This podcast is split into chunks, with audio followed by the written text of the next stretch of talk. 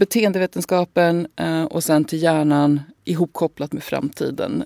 Det låter kanske ibland långsökt men BCI blev det som kopplade ihop de båda två. Mm.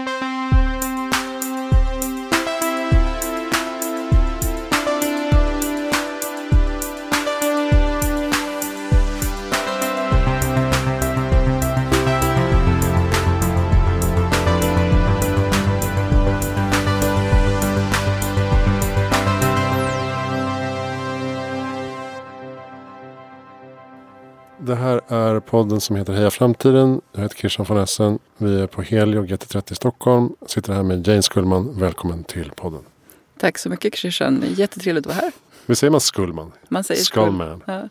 Lite beroende på vad jag vill ha för effekt. Men Skullman är den, den... Är det ett uh, riktigt namn? Eller Det är ett riktigt namn. Jag, eh, det är soldatnamn från Skulletorp nere i Småland. Okay. Så det, det härstammar från en gren. Så merparten av oss som heter Skullman är släkt. För att uh, du åker ju, kör motorcykel hit. Mm. Uh, internationellt så måste det vara perfekt namn. Absolut. Skullman. Jag var i Boston och hade hängt in mitt bagage i en sån här garderob för att avhämta lite senare. Och när jag hämtade ut det så sa jag Skullman. Oftast säger jag Skullman när jag är utomlands. Han bara bless you. så att ja, det Okej. Okay. Så det, är, det väcker lite uppmärksamhet och det är många som sagt som inte tror att det är eh, mitt genuina utan att det är taget. Ja, lite så. Ja, vad spännande. Um, jag tänkte att jag blev så sugen på att jag måste ha ett avsnitt om Brain Computer Interface. Uh, utvecklingen och marknaden och tänkte jag på dig för du har ju kört en del dragningar om det. Uh, så det är skitspännande, det ska vi komma in på. Men du driver också något som heter Stockholm Futurists. Och um, jag har inte jättebra koll på vad, det jobb, vad ditt dayjob är. Nej, eh, vi har nog träffats oftast i Stockholm Futurist-sammanhang. Du har ja. varit, och, varit gästtalare hos Stockholm Futurist på ett meetup och lite sådana saker. Nej, eh, jag jobbar eh, som produktägare eh, på ett spelföretag som heter Star Stable. Det är ett spel för tjejer eh, i tidig tonår. Ehm, och det är ett MMO. Eller killar. Killar kan också spela men det, det är främst riktat för eh, tjejer. Så det är ett hästspel. Mm. Du rider runt uh, i en öppen värld, uh, gör quests, äventyr och mycket socialt uh, sammanhang, mycket chatt och, och, och, så. Och det blev väl skitstort för tio år sedan? Det, vi har ny, nioårsjubileum ah, nio, okay. och det har funnits som sagt ett tag. Uh, och ja, det, är, det växer hela tiden. Uh, en intressant effekt av corona naturligtvis var att vi dubblerade vårt dagliga spelande oh, i våras. Det är många som inte har hört talas om det med tanke på att Sverige och spel är ganska liksom, det, det är väldigt tätt ihopkopplat. men Star Stable som sagt nio år har funnits. Det är över 500 000 spelare dagligen som är inne och mm. spelar. Helt otroligt. Men hur kommer det sig att du är så intresserad av eh, futuristfrågor och eh, hjärnan i synnerhet? Då? Två väldigt bra frågor. Och de båda, in, båda intressena härstammar egentligen från mitt tidigare arbete där vi också träffades på, när jag jobbade på IDG. Jag var affärsutvecklare på IDG. Jaha, så? Och då jobbade jag med en gemensam bekant som heter Magnus Aschan. Han var chefredaktör för en tidning som heter Techworld. Eh, och där var jag då eh, affärsansvarig eh, för den tidningen. Vi, Ascan tror jag han Ja, just det. Ascan heter. Eh, och eh, vi tog in en premie som var Ray Kurzweils um, Singularity. Mm. Jag tittade på den och jag var helt hooked. Okay. Jag tror att det här är snart 20 år sedan eller någonting liknande. Alltså boken? Eller? Det filmen. Alltså filmen, jaha. Mm. Det, det, inte sett. det är rätt kul att titta på den idag. För mycket som han pratar om där har hänt. Mm. Eh, men jag var helt hooked. Det var så här, singularity, wow vad är det för någonting? Så jag började liksom researcha och, och, och så. Eh, sen har jag alltid varit utifrån att jag har affärsutvecklat. Jag har affärsutvecklat produkter för människor främst. Eh, för användning, för nytta. Eh, och intresserade mig liksom, vad är det som driver oss? Vad är det som triggar oss till att göra saker? Mm. Och eh, leder lätt in till beteendevetenskap. Eh, jag har inga liksom, examen eller någonting liknande utan det, det är mer på intressenivå och eh, tagit en del certifikat och så vidare. Jag gjorde just en brain-based team coaching kurs. Mm. Eh, hur man coachar team eh, baserat på, på vetenskap om hjärnan. Ehm, så beteendevetenskapen eh, och sen till hjärnan ihopkopplat med framtiden. Det låter kanske ibland långsökt men BCI blev det som kopplade ihop de båda två. Mm. Och eh, Stockholm Futurists då, hur, eh, är det tanken bara att samla spännande människor och prata om spännande saker? I princip, ja det finns inget liksom, eh, vinstintresse, det finns inget intresse att växa eller eh, att, eh, det är en plattform som du säger, en plattform för människor att träffas och diskutera, eh, dela idéer, kanske träffas, nätverka eh, om frågor kring framtiden.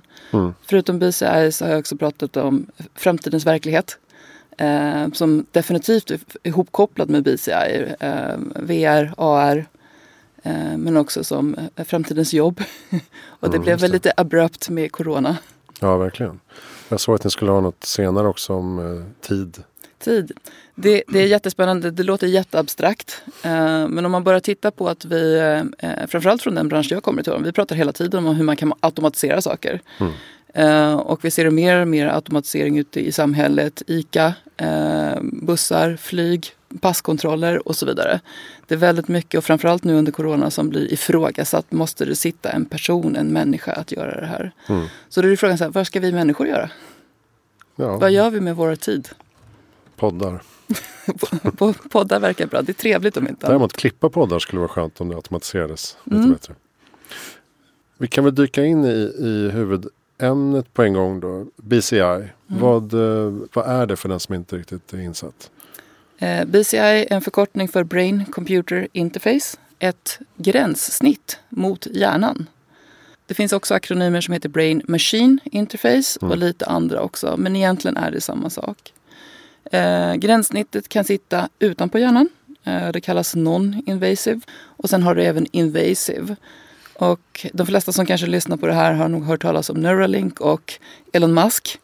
Och han håller på med den invasive, eh, det vill säga att du, du opererar in någonting mot hjärnan. Inte i hjärnan, men mot hjärnan. Mm.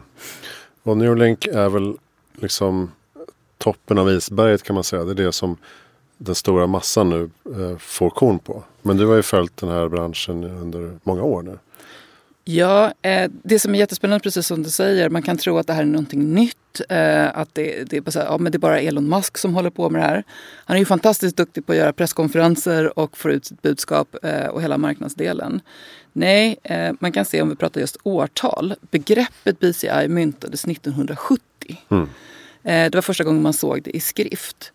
Någonstans 1990-1995, någonstans däromkring så började man göra eh, försök eh, på människor eh, med användande av BCI-teknik. Och framförallt människor som var paralyserade. Mm, och implementera robotteknik eh, till dem för, som hjälp eh, att kunna liksom, röra sig eller ta sig fram. Själva grunden lades redan 1924 när en herre vid namn Hans Berger eh, utvecklade EEG.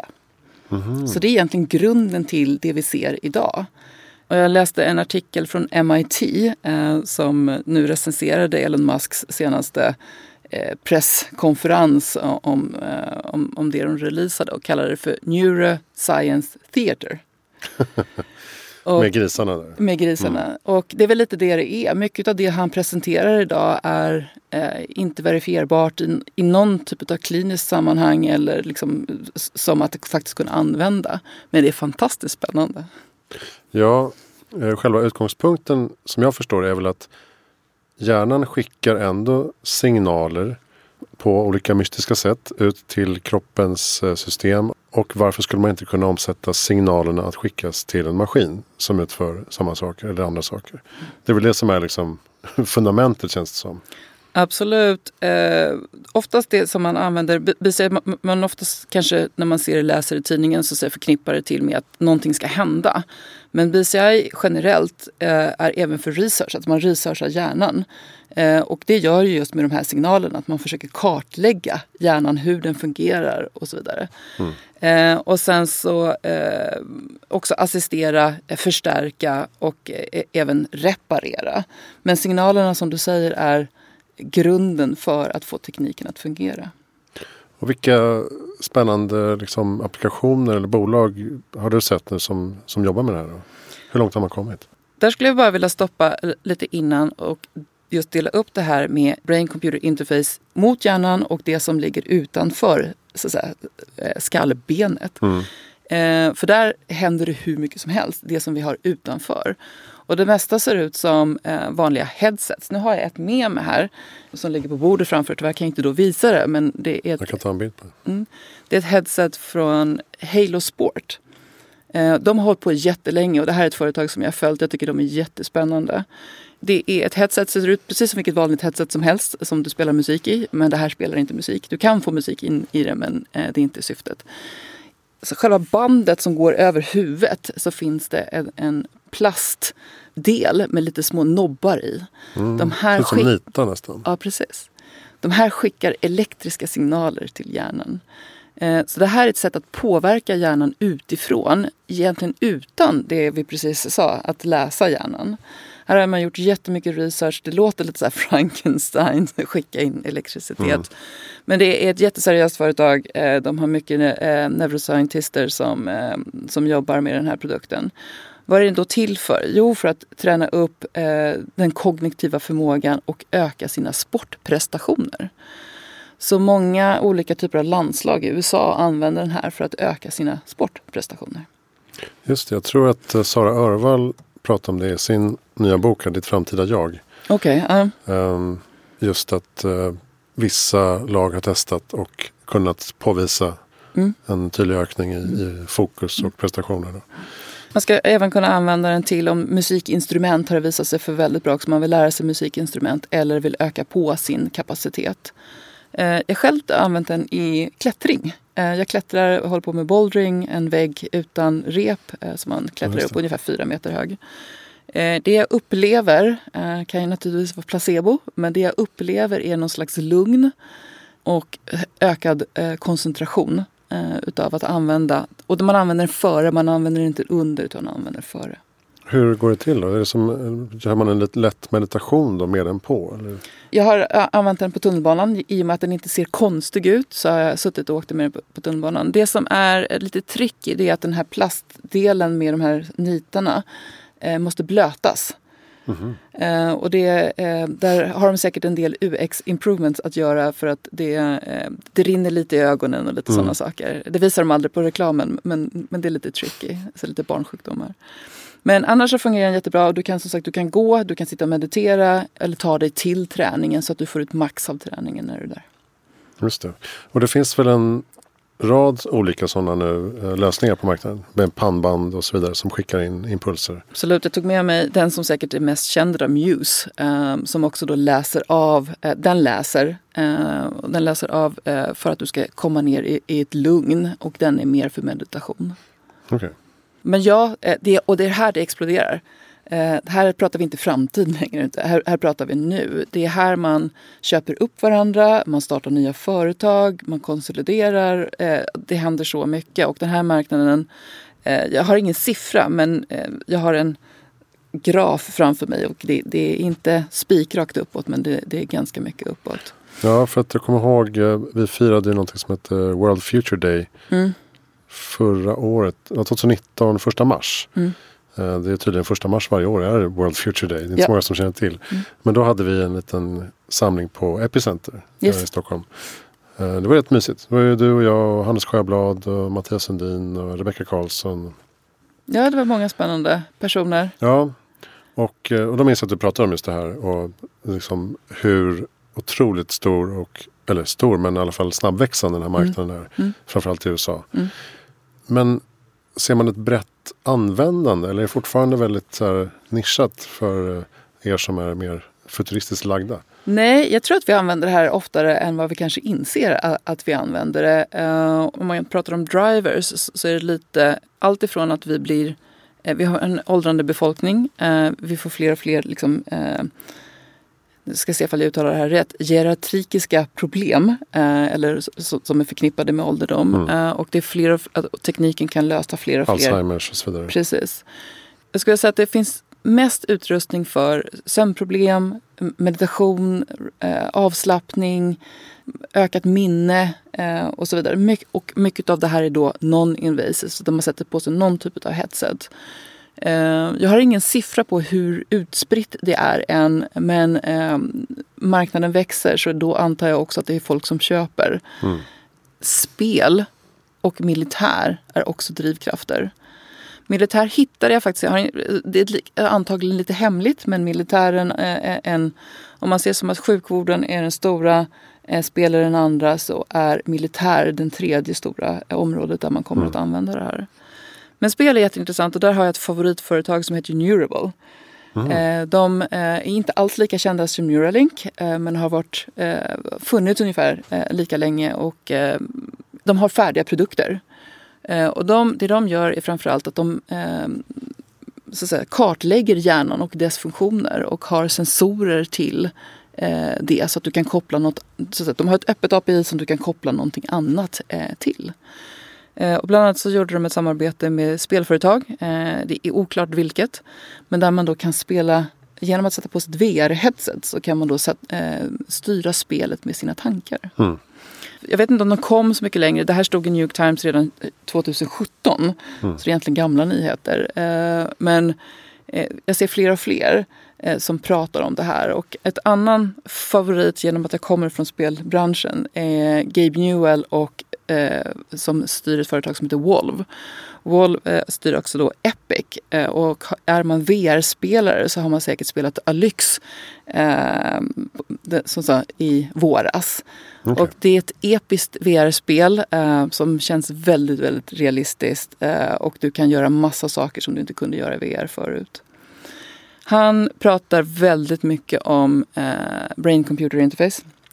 Och hur man kan koppla ihop just spelandet med att styras med hjärnan.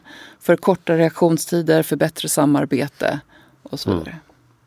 Och även här finns det ju eh, applikationer för, ett, eh, för funktionshinder till exempel. Att eh, eh kunna styra ett exoskelett. Eh, och så Det finns ju redan idag experiment på där man kan få paralyserade människor att faktiskt gå med hjälp av ett skelett som man styr med hjärnan. Det är rätt coolt. Det, det är jättekult och, och eh, jag läste senast nu, jag tror det var 7 september, har man lyckats göra eh, jag har inte riktigt greppat eh, vad de exakt menar men en plug and play just för artikeln påpekar hur enkelt det har blivit att koppla på en robotdel till oss själva med bara mm. plug and play. Precis, och där kommer ju det kommer lite roliga frågeställningar kring det där. Vilket jag även pratade om då med, med Sara Örvall till exempel. Att, och även pratade med Hannes Sjöblad om. Att eh, det är okej att laga någonting som är trasigt. Alltså fixa ett synfel med linser. Fixa en eh, arm som har blivit amputerad med en robotarm. Men är det okej att koppla på en tredje robotarm på bröstet som kan göra saker? Eller en eh, linser som har kikare, förstoringsglas. Då är det plötsligt lite läskigt. Mm. Det är lustigt det där. Hur eh, synen på vad som är naturligt eh, förändras. Absolut. Kommer förändras framöver. Behöver förändras framöver. Eh, jag modererade eh, många år sedan nu men eh, just Hannes arrangerade ett biohack-event i Sverige. En av de första. Vi bjöd hit jättemycket spännande talare och då pratade vi just om etik. vad bör man göra? Mm. En sak är vad man kan göra och vad bör man göra? Och jag tror att här eh, är spelbranschen en rätt intressant faktor för att du har redan lärt dig från spel att du kan bli vad som helst. Mm. Och många speltrender går också ut att du kan bygga dina egna världar. Jag tänker på Minecraft till exempel. Du upplever fantasier i VR och i spel eh, som om det är möjligt kommer du flytta ut de här fantasierna i det vi kallar verkligheten. Ja, man kan ju tänka sig att folk vill prova i alla fall. Jag tror definitivt inom eh, BCI och så finns det också något som kallas för grinders. Det är de som har försökt ändra just sina kroppar. Så det finns ju många människor som redan idag eh, försöker ändra hur man ser ut. Mer utav estetiska skäl. Mm. Där faktiskt både piercing och tatueringar ingår. Men, men det kan också vara att du eh, opererar in någon, kanske något litet horn i pannan. Eh, det låter absurt, jag vet. Mm. Men eh, det det, det, finns den typen av eh, ja, men önskemål också. Så ja. Och chipimplantat är väl ett, ett steg också i den riktningen? Definitivt. Jag tänker som syn. Eh, vem skulle inte vilja ha ögon i nacken? Mm. Nej, precis. Och just det här utvecklingen av våra sinnen är ju något som kommer komma mycket mer tror jag. Absolut. Jag vet, jag vet inte om du såg Facebook Connects eh, också eh, pressvisning eh, eller pressändning pratar om eh, vad Facebook eh, har i sin portfölj när det gäller BCI. De kommer inte göra ett BCI som är kopplat mot hjärnan utan de kommer koppla ett mot handvristen som tolkar impulser från handen. Mm. Sen har de eh, ett samarbete med eh, samma företag som gör Ray-Bans. Eh, så de kommer att eh, gå i Googles fotspår och försöka göra ett par glasses. De har tänkt mer på estetiken så att det, de kommer vara snyggare uppenbarligen. Mm. Det man gör i det här också är att man börjar kartlägga rum. Eh, så i den här pressreleasen så pratar de om någonting som heter Live Maps. Det har inte blivit så stort vilket jag tycker är konstigt att inte media plockat upp just Live Mapsen. För det är det som skrämmer mig, inte själva AR-glasögonen för de känns jättecoola. Eh, de kommer hjälpa dig med allt från att påminna saker till att eh, du kan se, vi skulle inte behöva sitta här i, samma studio som vi gör idag utan mm. vi skulle kunna sitta på varsin stol men jag skulle fortfarande se dig i samma upplösning och, och så vidare. Men det de gör eh, är att eh, med det du har på vristen och glasögonen och mobiler börjar kartlägga din omgivning. Eh, så de placerar dig någonstans i rummet eller där du är i rummet och sen så börjar de kartlägga hur strukturen ser ut runt omkring dig beroende på vad du ser. Och sen så ritar de in eh, det här eh, eh tillsammans med objekt och sen lagras allting i en databas. Eh, och den drivs utav en AI eh, som sen kan hjälpa dig att, eh, så som jag förstår, eh, skräddarsy verkligheter ifrån, utav så säga, samarbeten. Det vill säga, vem vill jag kalla in i det här rummet och så vidare. Jaha, okej. Okay. I VR då? Eh, nej, i AR. Mm. Och eh, när de gör demon så sitter man med glasögonen på sig och den eh, går även in på hörseln. Så den eh, avskärmar ungefär som moderna hörselapparater gör som kan ta bort bakgrundsbrus så och så vidare. Cancelling. Yes. Mm. Men jag inser ju också att det här, alltså, de kan ta det hur långt som helst. Alltså vad är det jag inte vill höra för någonting? Och det här börjar skrämma mig. Eh, om vi kan gå in och redigera vår verklighet. Vad är det jag hör? Vad är det jag inte hör? Mm. Och inte bara noise cancelling. Eh, utan så är det barnskrik jag inte vill höra? Eh, är det hundar jag inte vill höra? Och sen så spinna vidare på den tråden. Eh, och med live maps så är det så, så här, du kan göra likadant med din verklighet. Varför skrämmer det dig? Eh, vi, kommer upp, vi, vi, har pratat om fake news i många år här nu. Eh, vi kommer börja prata om fake realities. Eh, mm, för din och min verklighet kommer inte vara likadan. Ja, just det. Och det är det ju i och för sig inte i, idag. För vi baserar vår verklighet på, på, på alla våra tidigare erfarenheter. Men vi kommer inte ens se samma saker om vi går på, på samma gata. Nej, framförallt inte om alla har glasögon på sig. Nej. Men, och det var det ni pratade om lite på er senaste meetup om verkligheter. Just det. Var, landade ni någonting spännande där? Det var en digital uh, meetup antar jag? Ja, det är digitalt. Det är privacy. Eh, eh, det känns som att nästan alla meetups idag, eh, eller alla futuristiska sam samtal handlar i etik och privacyfrågor. Mm. Som sagt, som du startade med, vad, vad ska man göra? Eh, in, inte så mycket vad kan man göra? För det verkar som att vad kan man göra är oändligt. Mm. Eh, vi har i princip redan öppnat Pandoras box och börjat liksom utforska hjärnan, dess möjligheter och dess möjligheter till förvrängning eller till förstärkning. Så att nu handlar det väldigt mycket om, vilket också eh, Facebook går ut med, och säger att de vill göra tidiga försök för att involvera privacy och försöka göra någonting som är så eh, säkert för användaren som möjligt. Samtidigt personligen är jag skeptisk. Uh, har någonting lagrats, har någonting sänds över internet så finns det. Mm. Där kommer man väl osökt in då på hela Black Mirror-scenarierna med eh, just eh, linser som kan spela in och sådär. Följer du den utvecklingen också? För det finns ju också i princip på plats. Jag har nog sett det mer utifrån, som du säger, Black Mirror-avsnitten och jag vet eh, att det, så, det finns intressanta experiment eh, som görs men eh, jag är inte riktigt lika insatt exakt var vi är någonstans. Nej. Men det är, det är inte så svårt att tänka sig att det kommer inom några år i alla fall. Nej, eh, och där Gabe Newell som jag eh, nämnde tidigare eh, som är grundare till Wolv, han pratade om the, post area of BCI. vad, kommer hända efter? Och den tanken är ju jätteintressant liksom, att dra ut när vår verklighet inte längre bara bygger på den här dimensionen. Den bygger även på AR föremål som har förts in i vår verklighet. Men också att jag direkt kan hoppa in i en VR-verklighet, en virtual reality. Och connecta med vem som helst. Ja, baserat på Star Stable. Alltså, folk lägger pengar på att köpa digitala produkter eh, hela tiden. Och avatarer och skal och så vidare. Absolut. Ser man, eh, har man dessutom en VR AR-koppling på det så blir det ännu mer verkligt. Mm. Och det blir ännu mer ointressant vad som är verkligt och inte. Mm.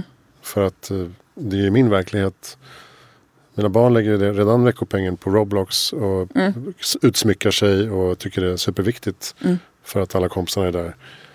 Jag kan inte säga att de inte får det. Eller liksom, det, är, det är deras verklighet.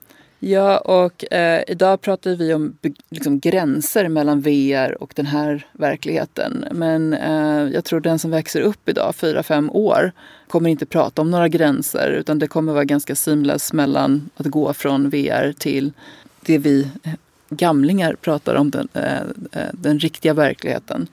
Eh, och AR är definitivt mellansteget och antagligen det som vi kommer vara mest i. Så och AR är också mycket, mycket större än vad vi kanske tror. Som används på, på många ställen inom utbildning, inom sjukvård. Eh, små industri. industri och små tutorials för hur man ska göra saker. Kanske man ska klargöra begreppen. Alltså att VR är virtual reality eh, där man går in i, i, en annan verklighet. AR är augmented reality, alltså förstärkt verklighet där man lägger lager på den vanliga verkligheten så att säga. Det, det, är jättebra att säga. Eh, som sagt, jag, jag kommer från spelindustrin. Eh, vi har så mycket akronymer för saker och ting så att det, ibland så känns det som att jag bara pratar ja, akronymer. Ja, precis. Det blir så.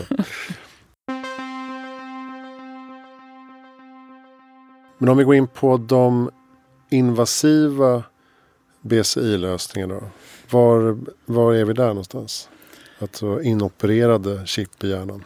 Merparten där eh, hjälper till just med eh, inom sjukvård eh, när du är paralyserad. Om vi sen tittar på det som Elon Musk eh, går ut med så ingenting av det som han har lovat att du ska bli mer ihopkopplad med AI eller få bättre minne eller någonting. Inget av det är, än idag verifierat. Så att det, det, på den invasive delen så är vi fortfarande ganska i ett i börjarstadie. Men, och medicin är längst framme där. Men vad ser du då? Vad skulle man kunna göra? Man pratar om, ja, men som sagt, uh, förstärkt minne. Kan man förbättra närminnet? Uh, kan man öka så att säga, processorkraften inom citationstecken? Det verkar som, utav det jag läst, så är den visuella och rörelsebaserade delen av hjärnan den som är lättare, jag ska inte säga lätt, utan lättare att påverka mm. än till exempel att känna kyla eller eh, att, att känna känslor till exempel. Så att jag tror definitivt att, sak, att kunna se saker, eh, kanske förstärka syn, förstärka hörsel. Där har det funnits så att säga, eh, hackers som har opererat in så att de kan höra tekniska signaler, inte bara fågelkvitter utan teknik, mm. tekniska signaler. Jag vet, ja, jag vet inte riktigt, jag tycker det är jobbigt med de jag hör med vanlig hörsel. Mm. Så vad tror jag? Eh, jag tror definitivt att vi kommer förstärka saker som vi kanske har nytta i vårt arbete eller till det som vi utövar, som sport till exempel. Kan jag eh, öka min förmåga till sportprestationer så kommer jag med stor sannolikhet att göra det. Är minne viktigt så kommer säkert liksom det vara en riktning som jag kommer ta. Så egentligen baserat på precis samma sak som vi försöker göra idag fast vi får hjälp eh, till det. Mm. Sen naturligtvis finns det ju alltid eh, saker som vi, vi, blir överraskade över. Att aha, började vi använda det på det här sättet också? Men definitivt som hjälpmedel i, eh, i vårt jobb, i sportsammanhang eh, och vid fritidsintressen. Där kan man tänka sig en ganska rolig framtid inom idrotten till exempel. Där vi inte kan kontrollera längre implantat, doping, preparat och så vidare. Det börjar redan bli svårt.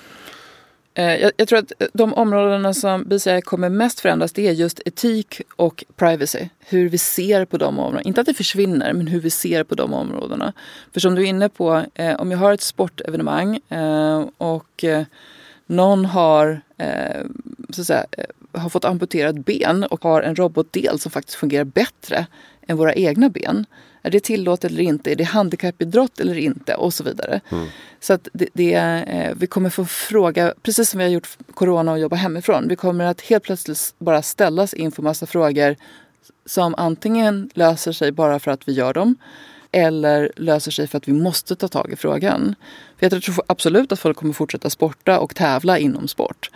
Eh, det kanske är så att det är olika klasser. Det finns en robotklass. Mm. En brain computer interface-klass för schack till exempel. Mm. När du spelar Go så är det inte bara du den bäst Go-spelaren men du är också uppkopplad till en AI. Just det, så kallad kentaur. Ja. ja. Och det är väl det Elon Musks vision är. Att försöka, inte att få att bli AI, men att vi är integrerade med ett AI som hela tiden hjälper oss med allt ifrån tänkanden, eh, interaktioner med andra människor, men också eh, minne. Ja. ja, just det. Och där, och där menar vissa då att hela singularitetsaspekten eh, blir mindre intressant eftersom vi kommer att följa den utvecklingen genom att inkorporera AI mm. med människan. Så att det blir inte den som är smartare än mig utan det blir vi tillsammans som utvecklas. Mm. Det är väl faktiskt någonting som har försvunnit. Det är kul att du säger för det, jag hade den tanken eh, för några veckor sedan att eh, för några år sedan så var jag på en hel del hackathon som handlade om när vi laddar upp oss. Ja, det. Eh, och, det kom, ja. och det var mycket filmer som kom ut eh, kring det. Det pratar man inte så mycket om idag, just att ladda upp sig. Utan det, det är mer brain computer interface till någonting. Mm. Och att vi fortfarande, eh, vi, vi, verkar väldigt förtjusta i vår så att säga, kropp. Eh, så att vi vill någonstans stanna kvar i kroppen. Vi vill inte bli någonting annat. Nej, jag kommer ihåg att vi pratade om det på den eh, sammankomst som jag gästade, mm. Stockholm Futurists. Frågeställningen var väl, håller vi på att bli gudalika eller något mm. sånt där. Och jag är väl lite, jag minns i alla fall då att vi pratade om att jag, jag var rätt skeptisk till uploading som princip för att mänskliga hjärnan är inte bara en, en hårddisk med olika filer i mappar utan det är det här icke-linjära och eh, icke-rationella mm. som är en personlighet.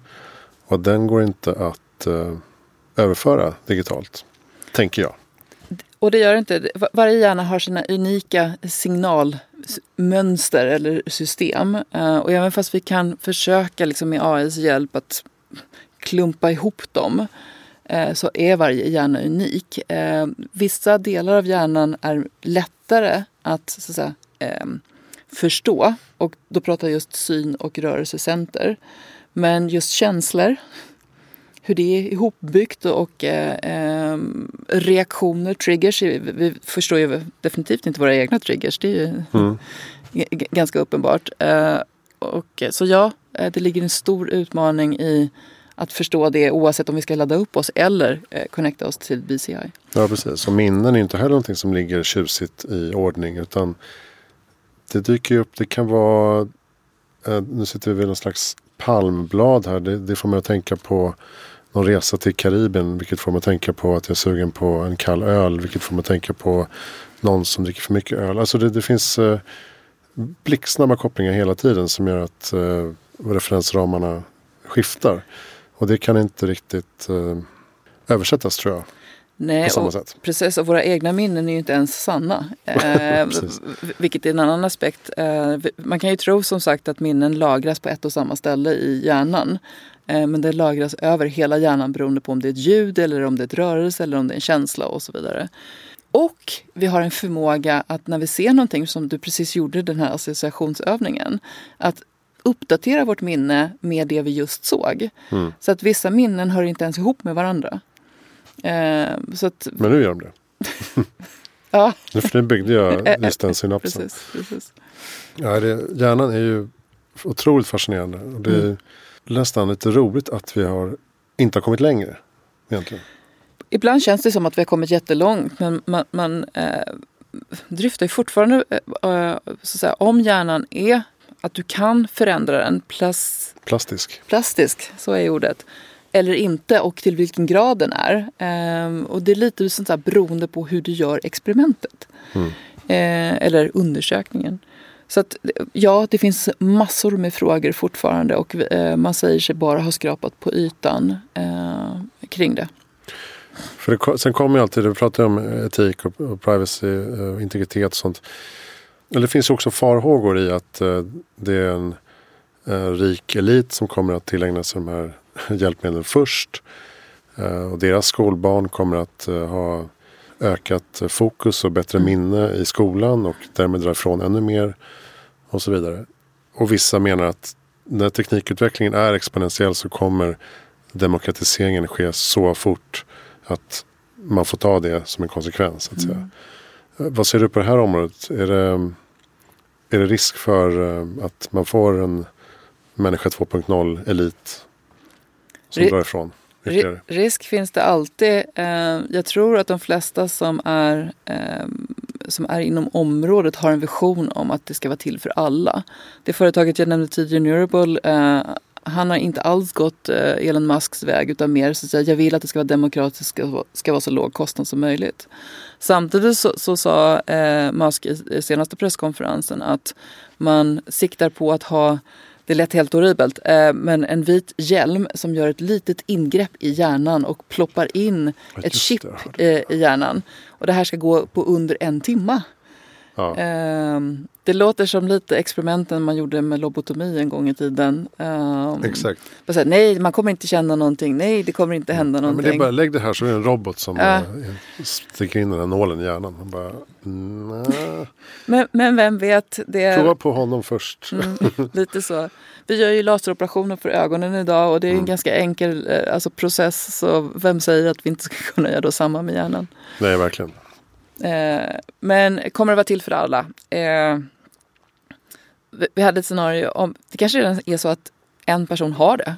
Eh, och att den personen kanske är Elon Musk. Eller Mark Zuckerberg. Eller någon av de andra mm. eh, giganterna. Uh, och att vi redan är under den personens så att säga, styre. Mm. För, för det, där kan man se, är det ett fåtal så kan det nog bli ett rätt skrämmande samhälle där väldigt, väldigt många människor har tillgång till, till extremt mycket information om dig och mig. Men vi vet inte om det. Mm, det. Um, så att, att, det finns en öppen så säga, debatt, diskussion om det här ser jag ändå som positivt. För då vet vi, uh, vi tror i alla fall att vi vet vad som händer. Om man ser på, du är ju liksom nyfikenhetsstyrd i det här. Du har ju någon slags eh, intresse och passion för mm. de här frågorna. Vad, vad längtar du själv till? Vad ser du själv fram emot på det här området? Jag tror att minnekapaciteten, den kognitiva funktionen eh, är någonting som jag själv skulle vilja liksom, titta på. Och därutav eh, de headseten som jag har köpt. Eh, jag är väldigt fascinerad liksom, av hur vi kan optimera eh, hjärnans funktionalitet. Eh, kanske inte än har sett att jag vill addera någonting och då tror jag framförallt om jag skulle addera någonting då är det syn. Nattsyn mm. och eh, syn på långt håll. Jag har fått lite sämre syn de senaste åren också så att liksom bara kunna ja, eh, hålla saker eh, fräscha eh, känns också som liksom någonting. Bara så, mm, Ibland är jag mer nyfiken. Jag har till exempel inget chip in, inopererat i, i, i, handen, vilket man kanske borde ha som, som uh, futurist. Men, uh, så jag är mer nyfiken än, än praktiserande. Det, mitt headset här är en av de få saker som, som jag uh, använder själv. Mm. Jag är också nyfiken på just öka fokus och flow och så här. Mm. Men förbättra prestationen lite i, mm. i sin vardag. Mm. Um, vilket man ju redan kan göra på olika sätt själv. Men, men just att få en liten knuff mm. på vägen. Och sen så. Jag skulle nog försöka utveckla hörseln. Just när man håller på mycket med musik. Alltså att kunna höra ännu fler nyanser. Och så det vore rätt häftigt. Absolut. Eh, vad jag förstår av de som har absolut gehör och liksom har, har kraftigt utvecklad hörsel så är det fantastiskt just att höra de olika nyanserna. Mm. Vi ska börja avrunda. Vad är ditt bästa tips för att göra världen bättre i framtiden? Förstå varandra. Eh, är det någonting eh, eh så att säga, från eh, mina undersökningar med VR framför allt så är det att det kan öka empati. Så om BCI också kan ta eh, vinkeln att få oss att förstå andra människors tankar, varför de gör saker på olika sätt Vi var precis inne just på med, med eh, att man kan förbättra sin hjärna. Eh, jag har varit eh, utövare av meditation väldigt, väldigt i många år. Och det är också någonting som hjälper dig att fokusera och, och eh, att hjärnan är i ett bättre tillstånd. Och med meditation och eget fokus, eget lugn så förstår jag också andra människor bättre.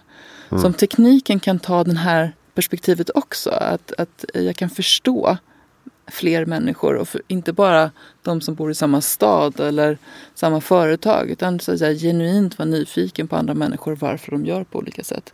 Då tror jag att vi är på väg mot en bättre värld. Bra. Har du några bra lästips eller poddtips kanske på området? Jag har en favoritblock och eh, det är en ganska gammal Wait But Why. Jag kommer aldrig ihåg vad han heter men han har gjort ett fantastiskt TED-talk om procrastination. Ja, just. Han pratar också om singularity. Han pratar mycket om eh, många kluriga saker eh, och också om vad är det att vara människa? När slutar vi vara människa om jag börjar så att säga eh, implementera olika saker. Så att Wait But Why. Tim Urban, bloggen Wait But Why. Just det. Sen har det faktiskt kommit en, en film, I am human. Uh, den går, uh, man får köpa den men den streamar. Och så, så googla efter I am human och där tittar man på det fiktiva case men där tittar man på, på fyra eller fem olika patienter som har gjort en fiktiv uh, operation med BCI. En fiktiv operation? Alltså ja, det, det, det, det, det, scenario? Ja, ett scenario. Ja, Okej. Okay. Ja, men det är spännande. Mm. Bra. Vem tycker att jag ska intervjua i framtiden? jag kan du få tag på Gabe Newell så kommer jag definitivt att lyssna på hans podd. Mm. Um, han, han ger sällan intervjuer vilket också gör honom spännande till skillnad från uh, till exempel Mark Zuckerberg och, och, Elon Musk. Som, det är kanske inte så mycket de som har skrivit det men man hör väldigt mycket om det. Mm. Men Gabe Newell och vad han gör med VR-headset uh, tror jag att du skulle uh, kika vidare på. Mm. Coolt. Tack snälla Jane Skullman för att du kom till Heja Framtiden. Tack. Jättekul. Heja Framtiden att få vara här. ja. Och eh, det kan man boka för föreläsningar och eh, inspiration om just de här ämnena. Och eh, Stockholm Futurists, hur, vad är hemsidan? Stockholmfuturist.se eller kom. Den finns i båda variationerna. Okej. Okay. Bra, men Stockholm Futurists. Ja, Ett S på slutet. Mm. Finns även på Twitter och på Facebook om man inte hittar adressen. Och därifrån finns adressen. Just det, och där kan man bli medlem, eller hur? Så Precis. blir man inbjuden till Precis. events och sådär. Mm. Kan bidra, mm. fortsätta diskussionen. Yep. Och det och sker på engelska allting? Det sker på engelska. Mm. Mycket publik är internationell. Uh, många som jobbar här som kommer dit uh, nätverkar. Det kostar heller ingenting utan det du tar med dig är dina idéer och dina tankar. Mm. Ofta på GoTo 10? Ofta på GoTo 10. Uh, vilket är Internetstiftelsens coworkingplats på, i Hammarby Sjöstad. Mm. Jättetrevligt ja, och, och ett bra, en bra samlingspunkt. Gratis allting. Det är fantastiskt. Köp också boken som heter Vad händer nu med framtiden? 20 visioner om Sverige efter corona som jag skrev här under våren. Eh, under pandemin. Och handlar om lite framtidsspaningar efter det. Eh, Hejaframtiden.se där hittar du allting du behöver veta om podden och mina projekt och föreläsningar. Eh, jag heter Christian von Essen. Vi är på Helioget 30. Tack för att du lyssnar.